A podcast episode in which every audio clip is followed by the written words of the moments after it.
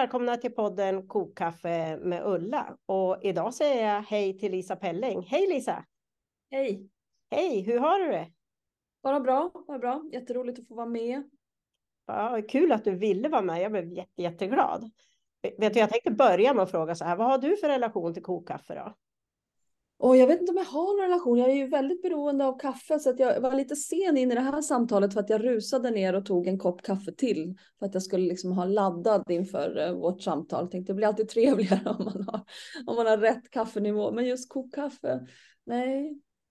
Ja, det är väl möjligen så att, eh, att jag kan ha sett min mormor koka kokkaffe i någon sån här röd liksom kaffepanna. Men eh, nej. Mm. Mm. Många gånger när jag skriver om kokkaffe eller sådär, då brukar man skriva att ah, min mormor hon drack kaffe på faten, ah, med sockerbit, och, eller hemma hos mormor eller och morfar stod kokpann, kaffepannan alltid på för ifall det skulle komma någon och sådär. Liksom.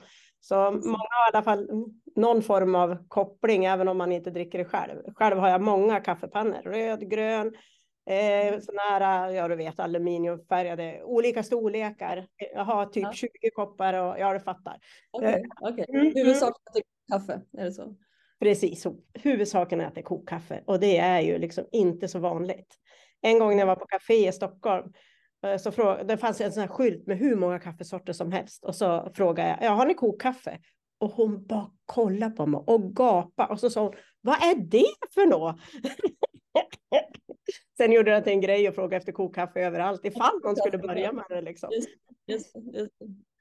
Det, det, kommer säkert, det kommer säkert. Du är säkert före din tid Ulla. Snart, eh, snart kommer det vara hur inne som helst. Ja, jag var det före min tid, 26 år i så fall. Eller något sånt Nej, nu är det ännu längre. Men Lisa, du är statsvetare för de som inte vet det. Annars är du kanske mest känd som chef för tankesmedjan Arena som är fackförenings finansierad eh, tank, tankesmedjan Area Idé ska jag säga. Och för att du är ledarskribent på dagstidningen Dagens Arena. Och du är debattör, du är författare eh, och du har varit politiskt sakkunnig på utrikesdepartementet. Du har ett brett CV här och du har mm. skrivit bland annat boken Det svenska missnöjet med Johanna Lindell och den kommer vi att komma in lite på här idag. Just det. Vi ska ju prata liksom om, om flykting och migrationspolitiken, hur den har förändrats och hur det också har förändrat.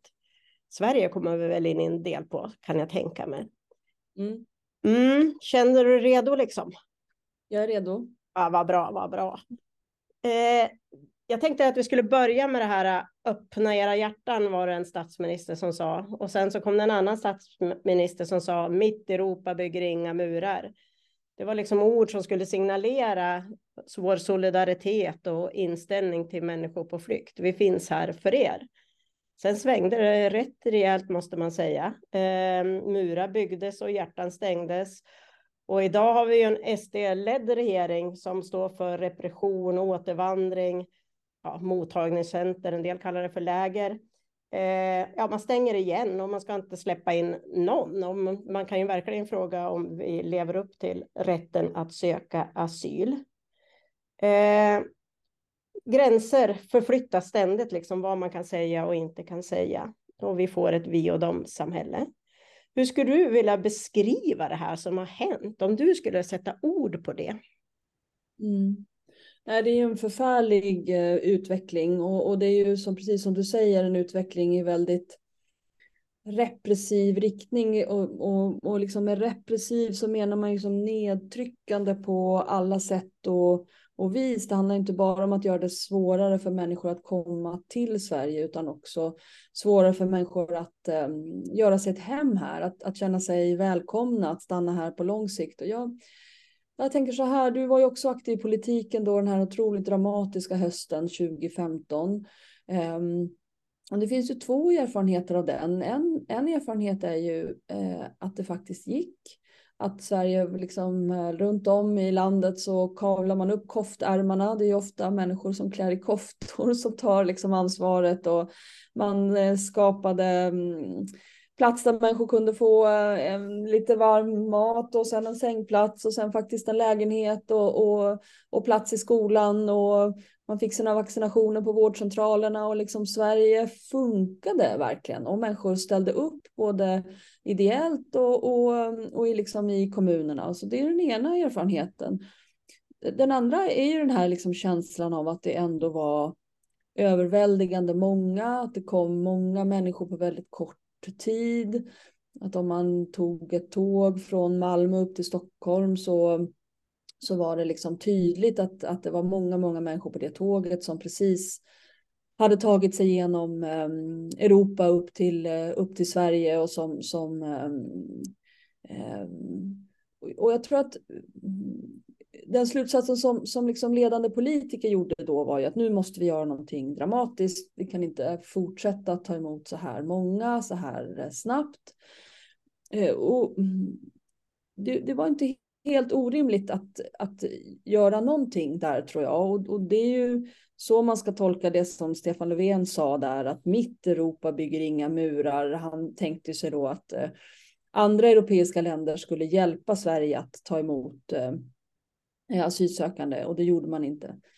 Däremot, och det som jag är väldigt kritisk till är det som var en tillfällig åtgärd då, och, det hette ju också att den var en tillfällig begränsningslag, att den inte bara har blivit permanent utan att den begränsningen även har fördjupats och nu gått så långt att det är i princip eh, inte omöjligt ska jag inte säga, men väldigt, väldigt svårt för människor att eh, både att få uppehållstillstånd och att få stanna här. Det här att man har eh, permanent tagit bort permanenta uppehållstillstånd. Alltså att, att alla som kommer hit eh, får ett tillfälligt tillstånd som ska förnyas. Och vi har nu en regering som säger att man vill avskaffa permanenta uppehållstillstånd helt och hållet. Så människor som flyr undan förtryck och förföljelse, de ska liksom aldrig kunna känna sig trygga i Sverige. Och det det är en helt, eh, det är en förfärlig utveckling, men den är också helt onödig. Den är inte på något sätt relaterad till verkligheten. Och då, då tänker jag bland annat på de utvärderingar som gjordes av flyktingsituationen 2015. Till exempel så sa man ju att uh, vi inte skulle klara av det ekonomiskt, det blir för höga kostnader, men det har bland annat eh, statsvetaren P.O. Hansen som är professor vid Linköpings universitet visat att det som hände med Sverige 2016-2017 var ju att vi fick en enorm ökning av tillväxten. Vi gjorde precis som, som, som du Ulla som ekonomisk-politisk talesperson för Vänsterpartiet så många gånger liksom argumenterade för att eh, vi har ett underinvesterat land, att vi har, vi har behov av att omfördela resurser ut i kommunerna och när man gjorde det då fick det precis den här effekten som, som alla vet att det skulle få. Alltså det blev jobb och det blev, det blev tillväxt och det blev framtidstro och det gjorde att människor som kanske hade eh, lastat ett flyttlass och dragit in till storstan faktiskt kunde stanna kvar och ett antal kommuner kunde, ja, men du vet, renovera sitt VA-system, bygga en eh, ny eh, idrottshall i skolan. Och den erfarenheten hade man kunnat ta med sig för att bygga en en, en eh, mera hållbar migrationspolitik som bygger på att vi faktiskt tar emot asylsökande och eh, gör det möjligt för människor som får skydd här att, att integreras. Nu pratar jag mm. väldigt länge. Ja, det får du gärna göra för det är ju väldigt intressant och jag tycker att det är viktigt att få prata. Det ska gå så snabbt hela tiden i, i alla intervjuer och så där så man ja, presentera en lösning för, för världsfred på 20 sekunder, typ sådär. Just. Mm. Men jag tänkte på det där när du sa liksom att vi har under, in, underinvesterat. Eh, och jag, jag, menar på att, att eh, de flyktingar som kom hit, de fick också känna på det, att vi inte hade byggt ett väldigt stabilt samhälle, utan det var rätt skört med bostadsbrist och med underinvesteringar på många olika sätt. Och, och det gjorde ju till att vi inte riktigt hade den förmågan vi annars hade haft. Så är det ju. Mm. Sen går det ju inte att planera för en sån stor eh, tillväxt av människor på så kort tid såklart. Men har man ett stabilt samhällsbygge i grunden så klarar man så mycket mer. Eh, jag tänkte också på det du sa om det här med att man vill avskaffa de permanenta uppehållstillstånden. Och det tycker jag kännetecknar något av den politik som förs. Man vet ju att permanenta uppehållstillstånd är bra för integration. För självklart, om jag får stanna kvar här så ger det helt andra förutsättningar också att kunna integreras i ett samhälle. Och lever jag i ett samhälle där jag är välkommen, det är två parter som ska integreras, så finns det helt andra förutsättningar. Man lutar sig liksom inte mot forskning eller empiri, mm. utan man jag, jag, jag sände en, en, en podd under den tiden som hette Människor och migration. Jag kommer aldrig glömma det avsnitt som vi spelade in med en eh, psykolog på Rädda Barnen som jobbade med eh, ensamkommande. Och så stod han där i vår lilla, lilla poddstudio och så frågade vi vad, vad är liksom, eh, ja, hur går den här behandlingen till? Och så, så sa han att man kan inte påbörja en behandling mot posttraumatisk stress mm. innan man har fått sitt eh, uppehållstillstånd. När man har fått det permanenta uppehållstillståndet, då känner människor att de har fast mark under fötterna. Då vågar de ta upp trauman, då vågar de bearbeta dem.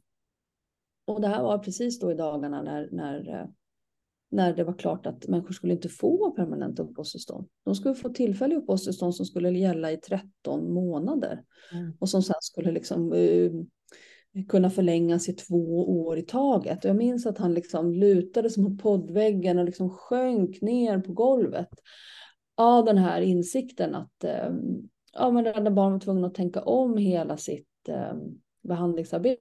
Och precis så där är det. Det är ju först när man, när man känner en, en trygghet som man kan eh, försöka bli frisk. Och det, det är de hälsomässiga aspekterna av det här. Men det finns ju andra sådana rätt krassa ekonomiska aspekter. Så var ska människor investera sin vilja att lära sig ett nytt språk? Var ska man investera sin eh, Eh, om man har någon liten, liten sparpeng med sig från hemlandet eller en möjlighet att låna. Var ska man köpa ett hus, en lägenhet? Var ska man eh, anpassa sin, eh, sin eh, yrkesutbildning? Ska man försöka bli ekonom Eh, med de svenska bokföringsreglerna? Eh, eller, eller ska man vänta för att man vet inte om man kommer att få vara kvar i Sverige? Så den här osäkerheten har ju också ett, ett enormt högt eh, ekonomiskt pris. Ehm, och, och, och, det är sån här ehm, forskningen brukar ehm, tvista om är medborgarskap ett incitament för integration eller är medborgarskapet på något sätt ett, eh, någon slags integrationens krona? Och, och, och, det forskningen säger nu är ju att medborgarskap ofta är en förutsättning för integration. Det är när man är medborgare som man blir verkligt integrerad. För det så får man ju då rösträtt, men man får ju framför allt den, liksom, den, den, den ultimata tryggheten i att här kommer jag att kunna vara kvar. Jag kan berätta för mina barn att här kommer vi att vara, vi kommer att kunna bo här, ingen kan kasta ut oss härifrån. Det är här du ska gå juristlinjen, det är här du ska utbilda dig till apotekare. Det, det, det är här som, som eh, eh, vi ska spara till en, en bostadsrätt eller starta det här företaget som man vill göra.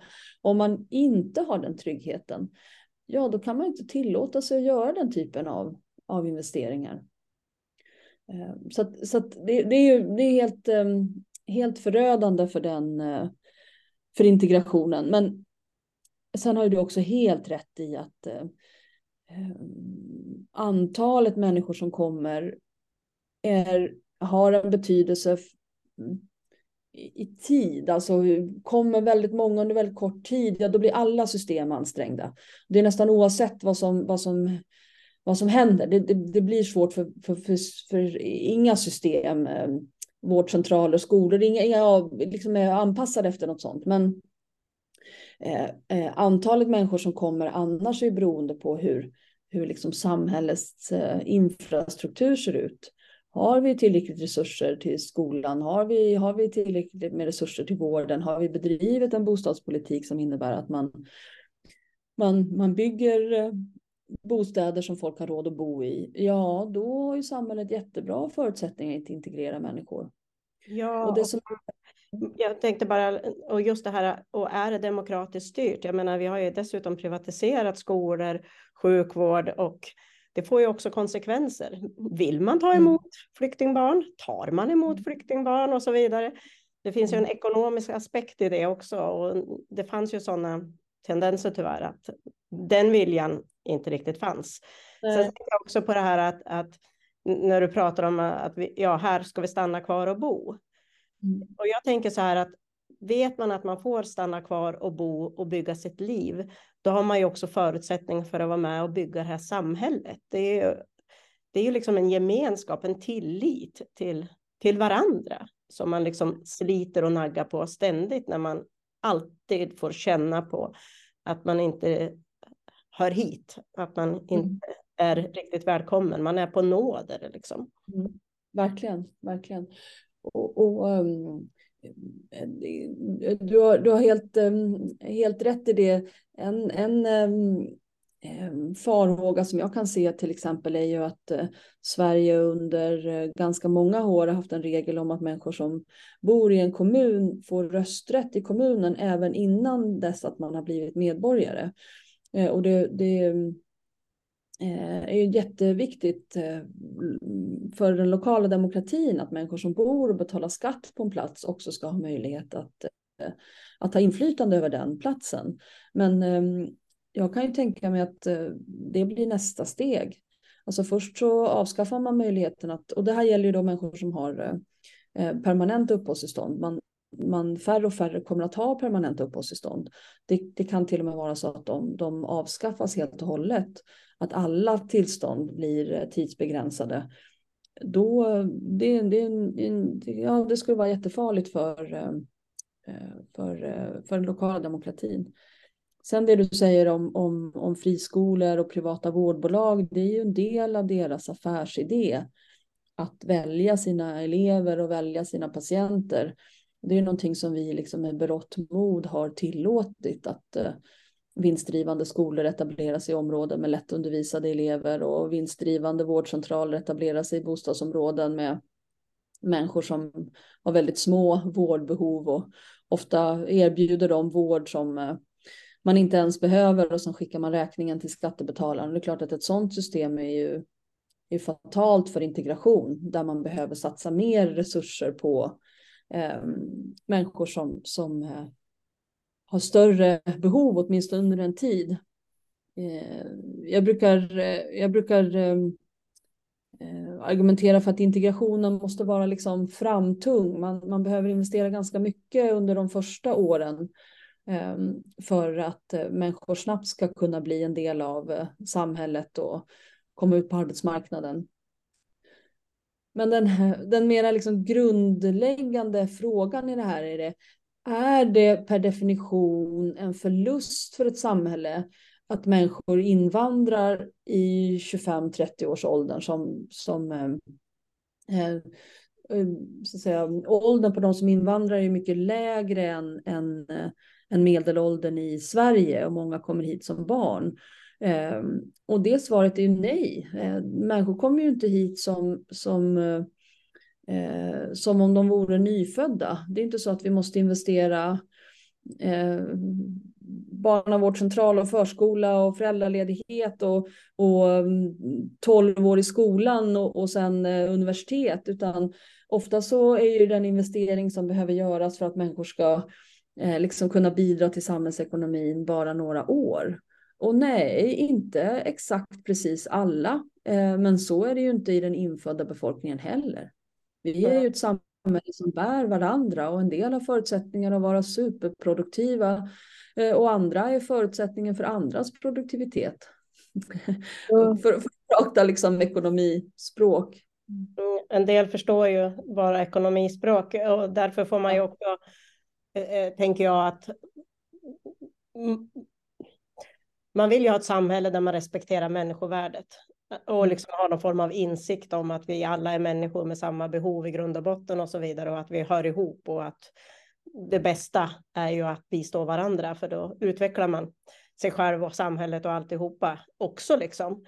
Men mm. en del behöver ju mer ekonomiska argument så man ska ju vara lönsam för att det ska mm. liksom eh, vara möjligt. Men jag, jag skulle vilja säga vad tycker du är de tre största förändringarna i, i, i, politiken? Om du skulle liksom få välja ut några stycken. Är det de här permanenta uppehållstillstånden, att de inte är kvar? Eller vilka skulle du säga är eh, de tre största förändringarna som har liksom signalerat mest, eller hur man ska säga, eller har förändrat mest. Det behöver ju liksom inte vara en reform, utan det kanske kan vara något som har hänt i, i politiken i övrigt eller något sånt här. Liksom. Vad skulle du? Ja, du tänker framförallt på liksom migration och integrations... Ja, ja. ja. det har ju varit stora svängningar. Det har ju varit ja, många svängningar och många nya beslut, men det har också hänt någonting i den politiska debatten och så vidare.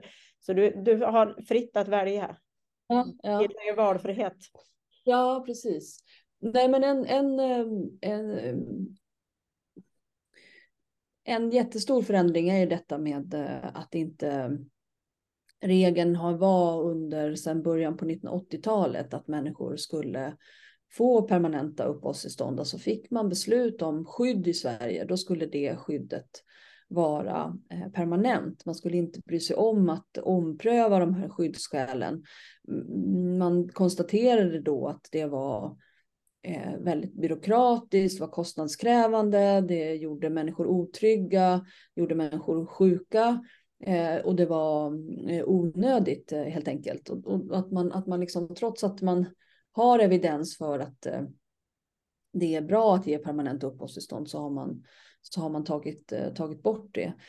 En, en annan förändring ehm, eh, de största förändringarna kommer ändå nu med Tidöpartierna. Alltså det är ju, eh, och, och, där kunde jag liksom bli förtvivlad på Magdalena Andersson som direkt efter att eh, Tidöavtalet hade presenterats i en intervju Eh, liksom hon sa två saker där. Dels så sa han, eh, vi vet inte mm, hur eh, de här förslagen, om de kommer att bli verklighet. Vi ska vänta med att kritisera dem tills de blir det. Vilket jag tycker är ett otroligt märkligt inställning till politik. Det är klart att man måste protestera och kritisera förslag när de läggs på bordet. Man kan inte vänta tills lagrådet har kommit med sitt yttrande och propositionen ska skickas till riksdagen. Då är det ju liksom med alla mått mätt för sent. Mm. Men det andra hon sa var att det är vi socialdemokrater som har genomfört paradigmskiftet inom mm. migrationspolitiken. Och ja, detta att man avskaffar permanenta uppehållstillstånd som regel det var en, en, stor, en stor förändring. Eh, man gjorde också förändringar i, i skyddsgrunderna som var, var svårare att få skydd i Sverige. Men en, eh, de stora förändringarna kommer nu och då tänker jag bland annat på det här om att eh, uppehållstillstånd villkoras med vandel. Tidigare så sker det liksom en, en en prövning av ett uppehållstillstånd är ju inte bara en prövning av var du flyr ifrån utan också vem, vem du är.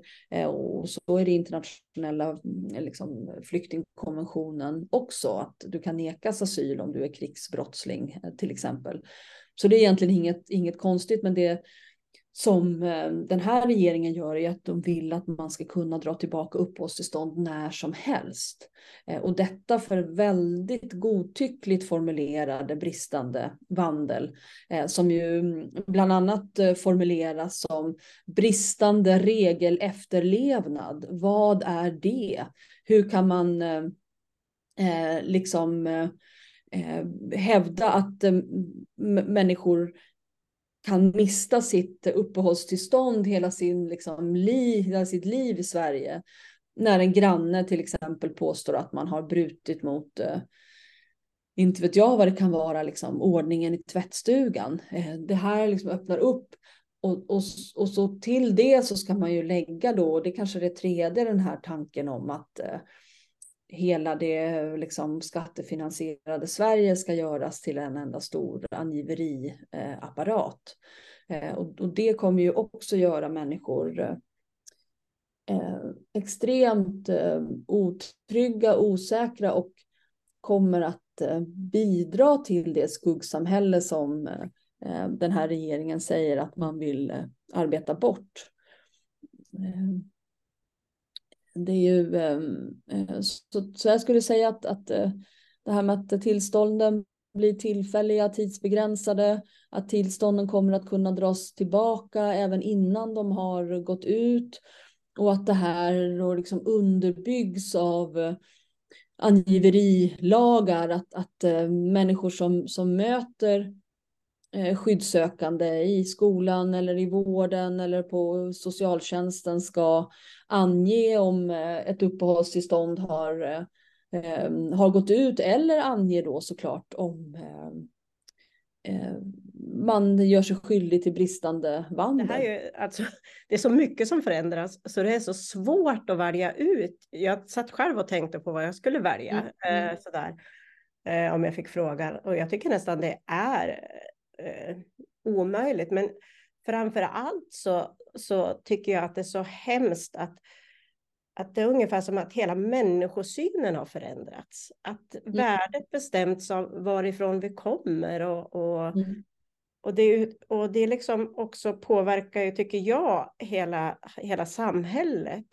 Och de här förslagen som kommer, de blir ju accepterade på något vis av många eller alltså knappt uppmärksammas för att vi har det här debatt, debattklimatet att man liksom hela tiden förflytta gränser, vad som är möjligt att säga och peka på och allt vad det nu är, tycker jag.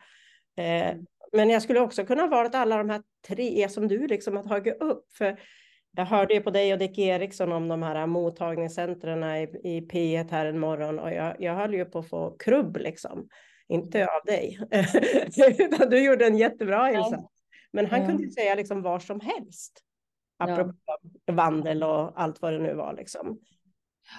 Nej, och mottagningscenter är ytterligare ett, sådant exempel på det man, det man vet om hur människor som söker skydd beter sig och att man, man, man tar sig till människor som man känner sig trygg med. Och vem är i ett nytt samhälle? Ja, men det är person som man känner sedan innan. Och det kan ju vara en släkting eller det kan vara en granne från hembyn eller någon som känner någon som, som, som man kan vara i kontakt med. Så det, det är allra, om man frågar människor liksom, vad, vad, var tillbringar du dina första dagar i Sverige? Och allra oftast är det i en lägenhet hemma hos någon man känner. Och sen så eh, när man liksom har landat, duschat, tvättat kläderna, då tar man sig till Migrationsverkets kontor eh, och så anmäler man sig för att, för att söka asyl.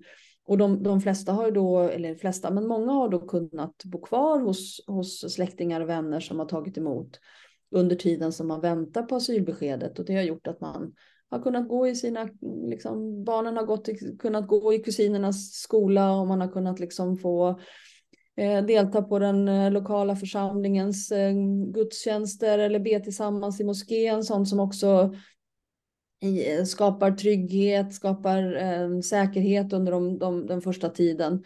Eh, nu vill man tillbaka till en situation som vi hade innan 1994 där eh, regeln var att människor som väntade på besked om asyl skulle bo på eh, särskilda liksom, eh, boenden som drivs av, ja, då för tiden hette det Invandrarverket, men nu är det Migrationsverket. och, och Eh, Eh, de avskaffades just för att det var så eh, mm, människor mådde inte bra av att bo där. Och, och människor som var grannar med de här boenden tyckte att det var orimligt att människor som skulle kunna vara ute och jobba eller bo i delar av Sverige där det fanns större möjligheter att, eh, att få jobb eller, eh, eller så. Varför skulle de bo på liksom ett eh, nedlagt bostadsområde i Gimo när man, när man kunde bo i, eh, i en lägenhet i, i Gävle eller Uppsala istället där arbetsmarknaden var, var mycket bättre.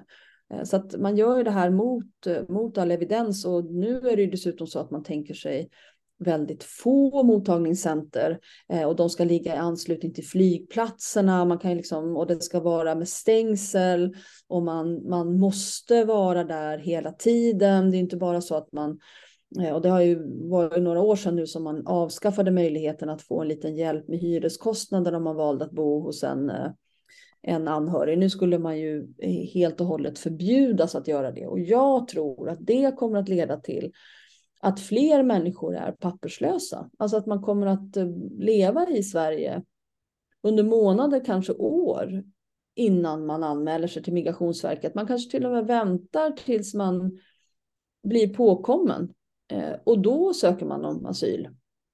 Och det här är ju någonting som kommer att Ja, dels eh, så, så förstärker man ju ökar skuggsamhället, dels försenar man integrationen. Mm.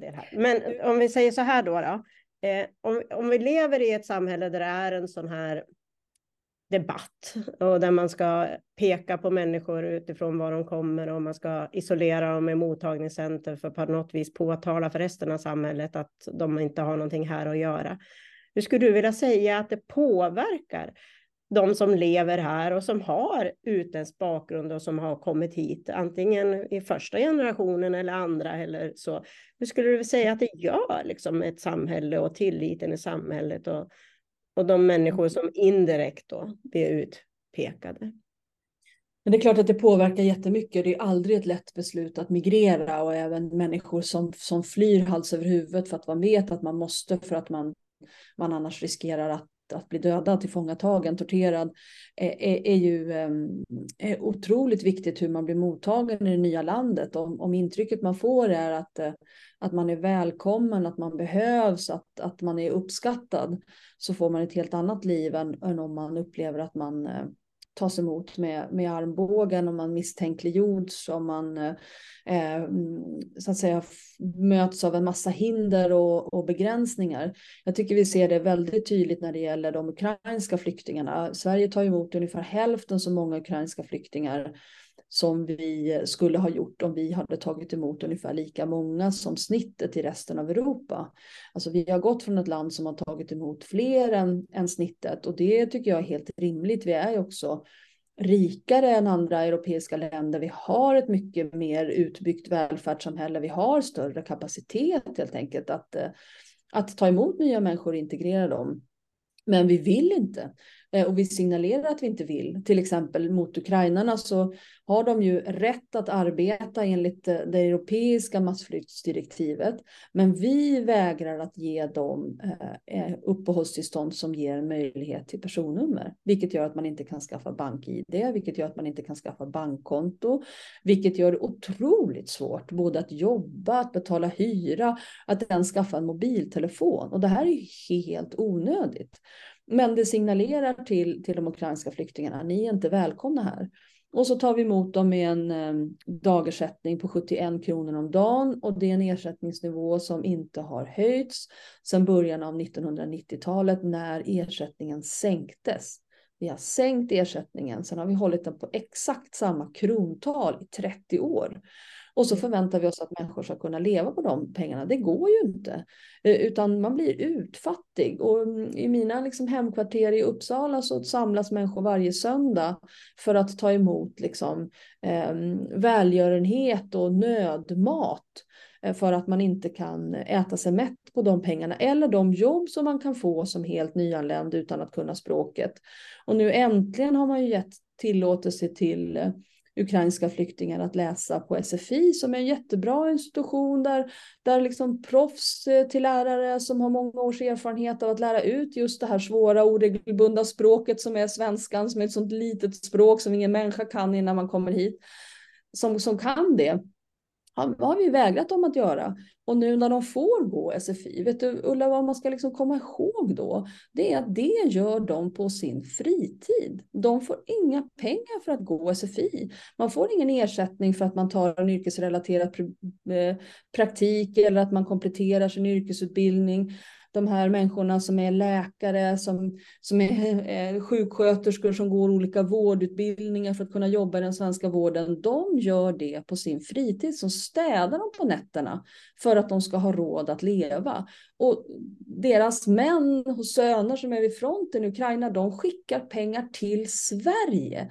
Det är så eh, ovärdigt för att deras fruar, systrar, eh, döttrar, eh, andra liksom, familjemedlemmar ska kunna leva här i Sverige. Och det har ju vi, har ju vi valt. Eh, mm. Så det här är en, en mätare på stämningen för att varför, varför tar ukrainarna? Jo, för att det är ju ännu värre för eh, de grupper som har drabbats ännu värre av främlingsfientlighet, av misstänkliggörande i, i vårt samhälle. Jag tänker inte minst på liksom den grasserande islamofobin. Det är klart att det är ännu värre att vara nyanländ från, eh, från Somalia eller från, eh, från, eh, från Syrien. Och det som är lite deppigt är ju att man liksom har följt migrationsfrågan under en tid och man vet lite grann så vet man att det är alltid den grupp som är mest nyanländ som man ser ner på. När eh, vi hade en stor invandring från Finland, ja, då såg man ner liksom på människor från, från Finland. Sen eh, upplevdes de som, ja men de var ju, de gick ju så bra för dem och så slår man ner på jugoslaverna och nu så jugoslaverna, det var väl inga problem att ta emot dem och så, eh, förstår du? Vi mm. kommer om några år se tillbaka på den stora invandringen från Syrien och tycka wow, tänk att vi fick så många eh, ingenjörer och läkare och, och um, ambitiösa skolbarn från, från Syrien, vilket lyft det var för Sverige. Eh, så kommer det vara om, om, om bara några år. Mm. Eh, men nu är, är, men inställningen till de mest nyanlända är alltid att de är en belastning, att de inte kommer att kunna integrera sig, eh, till och med att de kan vara ett hot. Det är väldigt, det är väldigt sorgligt.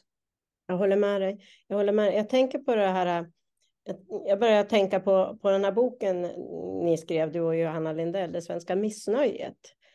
Just det. Skulle du vilja säga att det här svenska missnöjet har påverkat eh, de politiska lösningarna, det politiska valresultatet? Och, och mm. vad var det här svenska missnöjet, skulle du vilja säga, om du mm. sammanfattar det? Liksom? Ja, vi, um det finns ett um, institut i um, Göteborgs, vid Göteborgs universitet som heter SOM-institutet som mäter vad svenskar tycker om olika saker. Det har de gjort i många årtionden. De frågar vad man tycker om kärnkraft eller vad man, eh, hur man röstar och vem som röstar på vilket parti och ehm, eh, vad man tycker om flyktingmottagande. Men det finns det också en, en, en väldigt allmän fråga som det som institutet ställer och det är tycker du eh, att utvecklingen i Sverige allmänt sett går åt rätt håll eller åt fel håll? Och det här är ju en mätare på missnöje, för om väldigt många människor tycker att utvecklingen i Sverige allmänt sett går åt fel håll, ja då är man liksom missnöjd med utvecklingen. Och, och hösten 2019 så var den eh, eh, sex av tio svenskar upplevde att utvecklingen allmänt sett går åt fel håll. Och det här var ju liksom halvåret innan pandemin. Och då gjorde vi en intervjuundersökning. Vi var i sex eh, kommuner i, i Sverige och i bostadsområden som kännetecknas av eh, att människor har låg inkomst och kort utbildning och dessutom röstar på Sverigedemokraterna.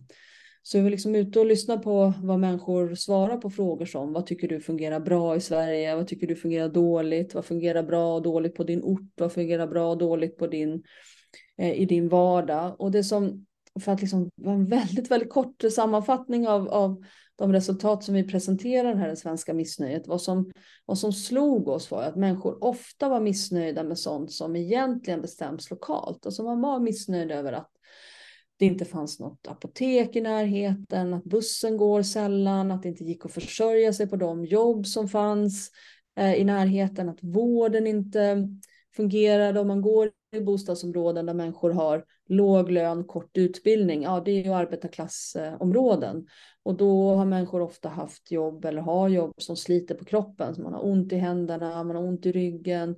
Um, och så upplever man att vården finns inte där när man, när man behöver den. Så folk klagar på sånt som bestäms lokalt, kommuner, regioner. Mm. Men skyller det på invandringen. Mm. Och riktar liksom ilskan och frustrationen mot riksdagen eh, och, och, mot regeringen för de bestämmer över invandringen. Och det här är en sån här som främlingsfientlig berättelse som, som, som är ju eh, Eh, det är den som Sverigedemokraterna lever av. De, Sverigedemokraterna har ju inga lösningar på några av Sveriges problem. De har bara en syndabock och det är invandringen. Och det är för att det är det som är grejen med det partiet. De vill inte att Sverige ska ta emot invandring. De vill att vi ska bli ett, eh, ett eh, land med ett enhetligt folk som en auktoritär ledare kan liksom dra upp eh, gränserna för hur vi ska vara, hur vi ska bete oss, hur vi ska klä oss, vad vi ska tro på, vilka sånger vi ska, vi ska sjunga. Det är liksom en auktoritär nationalistisk eh, idé. De har aldrig velat ha invandring, kommer aldrig vilja ha invandring, men de, de, eh, de, de när sig på den här främlingsfientliga berättelsen och det var väldigt sorgligt att höra den. Eh, liksom dörr efter dörr som vi knackade så, så, så var det väldigt många som, som pratade om sina problem på det här sättet. Mm. Och, och, och, då, eh, mitt svar som, liksom, som progressiv, som en person som jobbar på en, en fackföreningsfinansierad tankesmedja, det är liksom att det måste vara två svar. Ett svar måste ju vara antirasismen. Det måste vara att, att stå upp för människors lika värde och rätt, att kämpa mot främlingsfientligheten, inte minst inom fackföreningsrörelsen så är ju själva tanken med en fackföreningsrörelse är ju solidaritet och solidariteten frågar inte efter papper eller efter medborgarskap eller efter ditt ursprung, utan det, det är en solidaritet mellan oss som är löntagare, vi som jobbar på samma arbetsplats eller som en del av liksom arbetarkollektivet i den stora kampen mellan arbete och kapital. Det måste man hålla fast vid, så det måste man göra. Men man kan inte heller eh, eh, inte lösa de här problemen som, som människor konkret upplever. Man måste också se till att kommuner och, och, regioner har resurser så att man, bussarna kan gå i tid, så att det finns apotek, så att eh, vården räcker till, så att skolan kan fungera.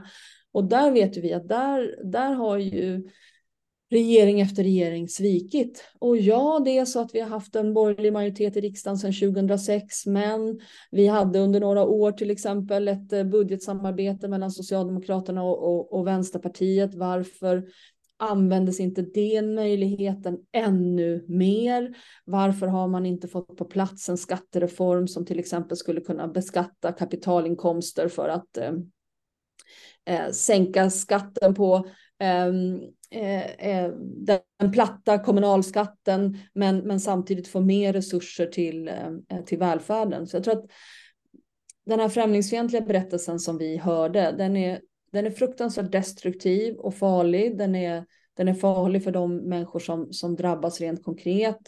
Eh, våra synliga minoriteter som drabbas av diskriminering i kön till Lidl eller eh, kassan på Lidl eller på arbetsmarknaden eller eh, möts av för låga förväntningar i, i skolan. Men den är också farlig för att eh, den förhindrar oss att ta itu med de, eh, de verkliga problemen som samhället har. Eh, när jag hör dig berätta, jag misstänker att allt det här du egentligen hörde som inte fungerar, det misstänker jag att du egentligen redan visste om och att det är samma problem i huvudsak i glesbygd förort. Eh, mm. Är i alla fall ja, något som är, är, min bild då. Och jag tänker mm. lite grann på Po Tidholm, man brukar prata om andra klassens medborgarskap ute i glesbygden, att man känner att man aldrig har blivit satsad på och sen så kommer det hit människor från andra länder och de ska man satsa på. Och det kanske är egentligen en del av grunden till det du berättar. Eh, mm, och jag, alltså, man har ju inga förväntningar på, på en, en, en höger, eh, ofta tyvärr också nyliberal. Eh, de sänker skatter, det är det de vill. De vill minska välfärdens omfång. Så, så är det. Eh, sen kan jag väl säga att jag är rätt besviken på lagt kort ligger-politiken där i skattepolitiken när vi hade chansen att, att göra det. Eh, men, men eh, Socialdemokraterna tyvärr tyckte det var viktigare att låta skattepolitiken ligga än att göra ett riktigt välfärdsbygge så att säga. Eh, men Eh, Eh, du var inne på lite hur, vi, hur du ville ändra på den här utvecklingen. Du pratar om, om solidaritet och, och att stå upp och att bygga samhället. Eh, det du egentligen efterfrågar är väl ett, ett, en politik som faktiskt bygger framtidstro och hopp för människor och som gör att tilliten byggs upp i det här samhället igen, eller? Ja, verkligen, verkligen. Och det, det är ju, det, man måste göra båda sakerna. Man måste ju eh, bygga en, en, en, en robust välfärd som, som människor kan, eh, eh, kan lita på. Och mm, det handlar ju också om att de som jobbar inom välfärden ska få chansen till bättre arbetsvillkor. Det, det är ju, välfärden är ju både liksom en, en, en trygghet och en, en möjlighet att leva ett bra liv. Men det är också ar, våra mm, Sveriges största arbetsplatser. Undersköterska är Sveriges största enskilda yrkesgrupp eh, och de jobbar nästan uteslutande för, för skattepengar. Så det är klart att det mm. är ju jätteviktigt också. Nej men absolut, jag, jag tror att um, ett, en, en sån där, um, det är väldigt um, givande att göra intervjuer för att uh, eller liksom, uh, ja, men som politiker eller som politisk kommentator så kan man bli väldigt långrandig om man pratar och pratar och pratar, man har så mycket ord. När man knacka på och fråga folk hur är läget så kan folk vara så otroligt kärnfulla och säga så smarta saker på, liksom en, två meningar. En man som vi pratade med som sa typ så här, eh, kommunen bara sparar och sparar och så slösar de pengar på invandrare. Ja, för i hans värld så det sammanfattar allt liksom. Kommunen bara sparar och sparar. Eh, och, och, och liksom, vi vet ju att det beror på att, att kommunerna får mer och mer uppgifter och färre och färre resurser. År från år från år så, så ser det ut på det sättet. Och kommunens enda möjligheter det är en platt skatt som alla betalar lika många kronor av, av hundralappen. Och det är djupt orättvist att beskatta välfärden med den typen av skatt när vi har möjlighet att beskatta fastigheter och arv och gåvor och förmögenheter och banker. Det borde vi göra istället såklart. Och så ser han precis så där som du som på tiden också har påpekat att så verkar det finnas resurser, för det finns ju resurser i Sverige. Det är ju så att ja. när det kommer på asylsökande så, så plötsligt så gick det att, eh, att eh, renovera vatten och avloppsnätet eller eh, bygga den här gymnastiksalen som man trodde var, eller idrottshallen som man trodde var, var, var omöjlig. Ehm, och, och det här göd ju då den här främlingsfientliga berättelsen ännu mer. Ehm, men, men jag värjer mig mot att ehm, man bara kan lösa de här problemen genom att satsa på välfärden. För att det, det finns en fråga här om, om, eh, om solidaritet, om alla människors lika värde och rätt som man också måste upprätthålla. Men ja. det räcker inte med bara den, alltså att, att, att, eh, att liksom gå ut och, och ha liksom antirasistiska kampanjer samtidigt som man med den andra handen river ner alla system som, som krävs för att vi ska kunna leva i ett, eh, i, ett, i ett samhälle där det inte finns bostadssegregation eller skolsegregation eller där vården är ojämlik. Det går inte heller ihop. Nej, Nej så är det ju. Eh, och, och jag, jag, sa det tidigare, liksom att det här om lagt, lagt kort ligger. Ja, jag var besviken på det, men samtidigt så vill jag ju också säga såklart att vi gjorde ju mycket bra. Och det var mm. en, en del i det där vi gjorde var ju att visa att det faktiskt går att ge människor hopp och att göra reformer. För det har ju mm. varit så lång tid i politiken där det enda man gjorde var att skara ner. Människor upplevde inget annat. Man gav inga andra signaler om att ge hopp. Och jag tror mm. att det är jätteviktigt att visa att man kan faktiskt bygga upp ett samhälle igen och att man bäst gör det tillsammans. Ja, verkligen. Där var ju liksom eh, Sverige lite pionjärer med med sommarlovskort så att ungdomar kan resa gratis med kollektivtrafiken. Mm. Och nu har man lyft hela, hela Tyskland. I Österrike är människor överlyckliga över det, det som kallas klimaticket hos dem. Att man kan, man kan resa för en euro om dagen eh, i, eh, i, hela, liksom, eh, i hela Wien ett helt, eh, ett helt år. Det är en fantastisk sak att kunna, kunna resa fritt som, som det är små pengar jämfört med att man bankernas enorma, liksom, ja, jämfört med bankernas enorma mm. vinster eller de pengar som vi som vi nu liksom, eh, som man vräkte ut för att eh, avskaffa värnskatten som ju var liksom eh, liberalernas viktigaste fråga. Ehm, så det, det, finns absolut resurser. Därmed inte sagt såklart att, att det inte finns sätt att eh, göra saker på ett bättre sätt. Men ja, jag blev upprörd när i morse så läser jag Hanne Kjöller i DN som säger eh, det går visst att spara på sjukvården. Man kan till exempel ha bättre IT-system.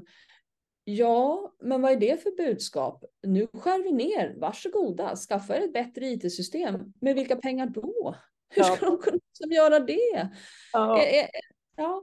ja, så är det. Så, Ja, då måste man ju liksom, det är klart att man ska satsa på att eh, göra sig av med, eh, med hyrpersonal, men det måste ju först vara en, en, en satsning innan man kan, man kan göra det. Men, ja. Mm.